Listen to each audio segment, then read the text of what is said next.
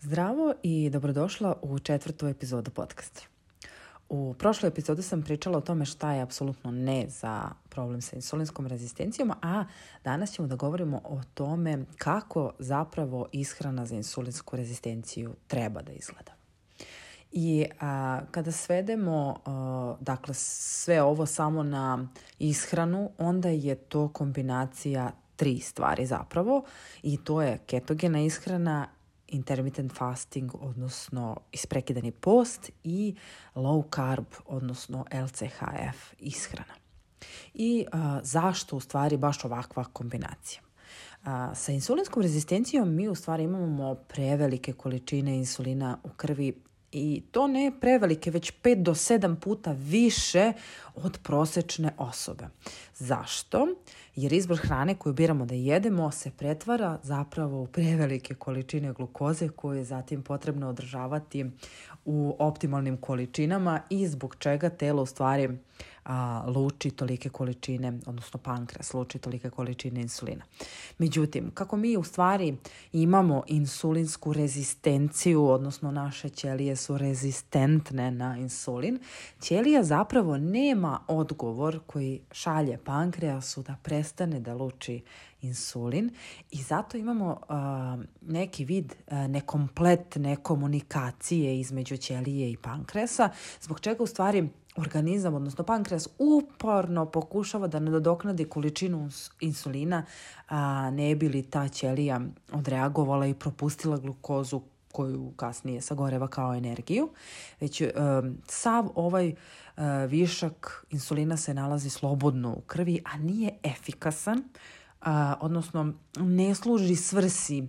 Dakle, niti više spušta taj šećer u krvi, niti hrani ćeliju, odnosno niti otvara ćeliju da se ona nahvari, nahrani. Već ono što se dešava to je da se taj sav insulin u stvari a, konvertuje u zalihe masti, a, odnosno zašto? To je faktički a, ta energija koju bi telo kada bude gladno moglo da koristi kao energiju. Dakle, konvertuje se u zalihe masti i to u predelu stomaka, odnosno na taj način se stvara i masna jetra i tako dalje. Dakle, jasno vam je sada šta treba da uradimo. Dakle, a, da bi postigli efekat izlečenja, odnosno kontrolisanja insulinske rezistencije, ono što je potrebno jeste da smanjimo nivo insulina u krvi i to faktički treba da bude naš primaran zadatak.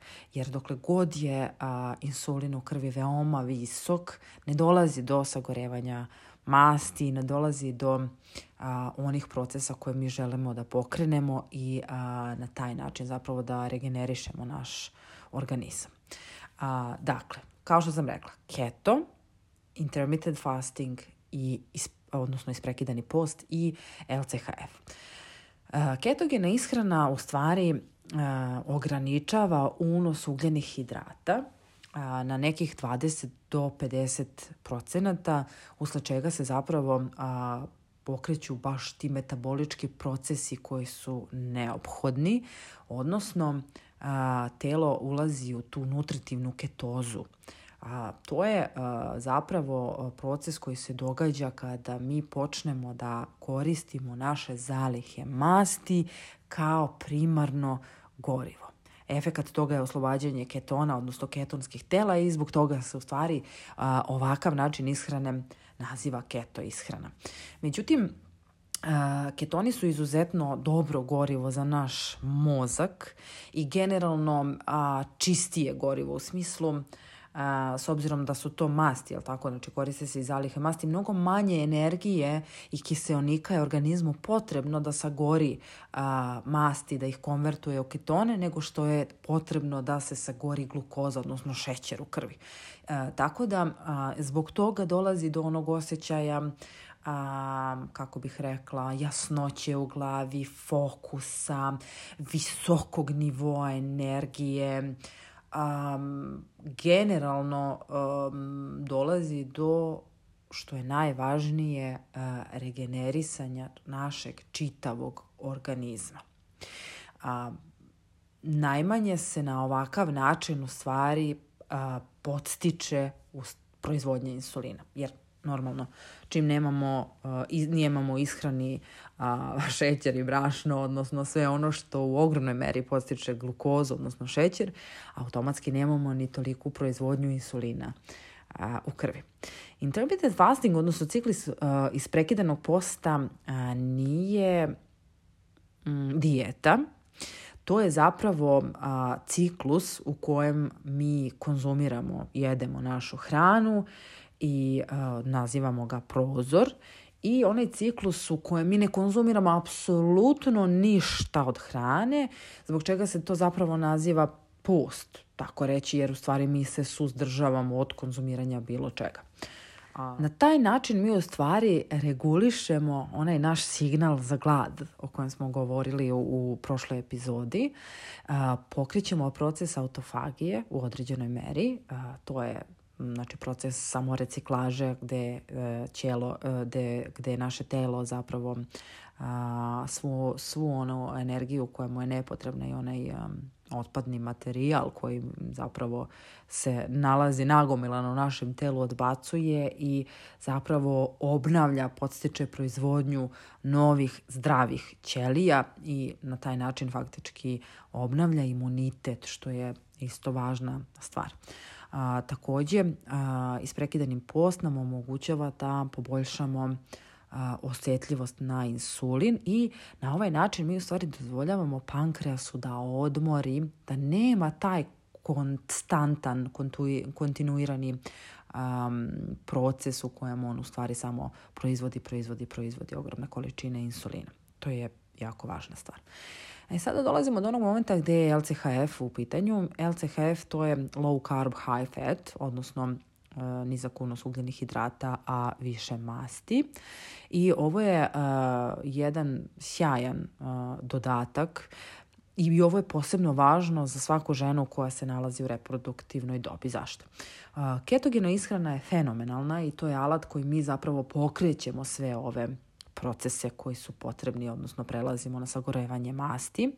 Isprekidani post nam a, je takođe isto sjajan alat koji nas rešava žudnji za hranom, reguliše signal za, gra, za glad, a, pokreće autofagiju, znači isto tako fenomenalna, a, fenomenalne stvari se dešavaju, odmaramo pankreas, a LCHF a, daje onoliku količinu ugljenih hidrata koja je neophodna da bi jedno žensko telo moglo da funkcioniše pravilno.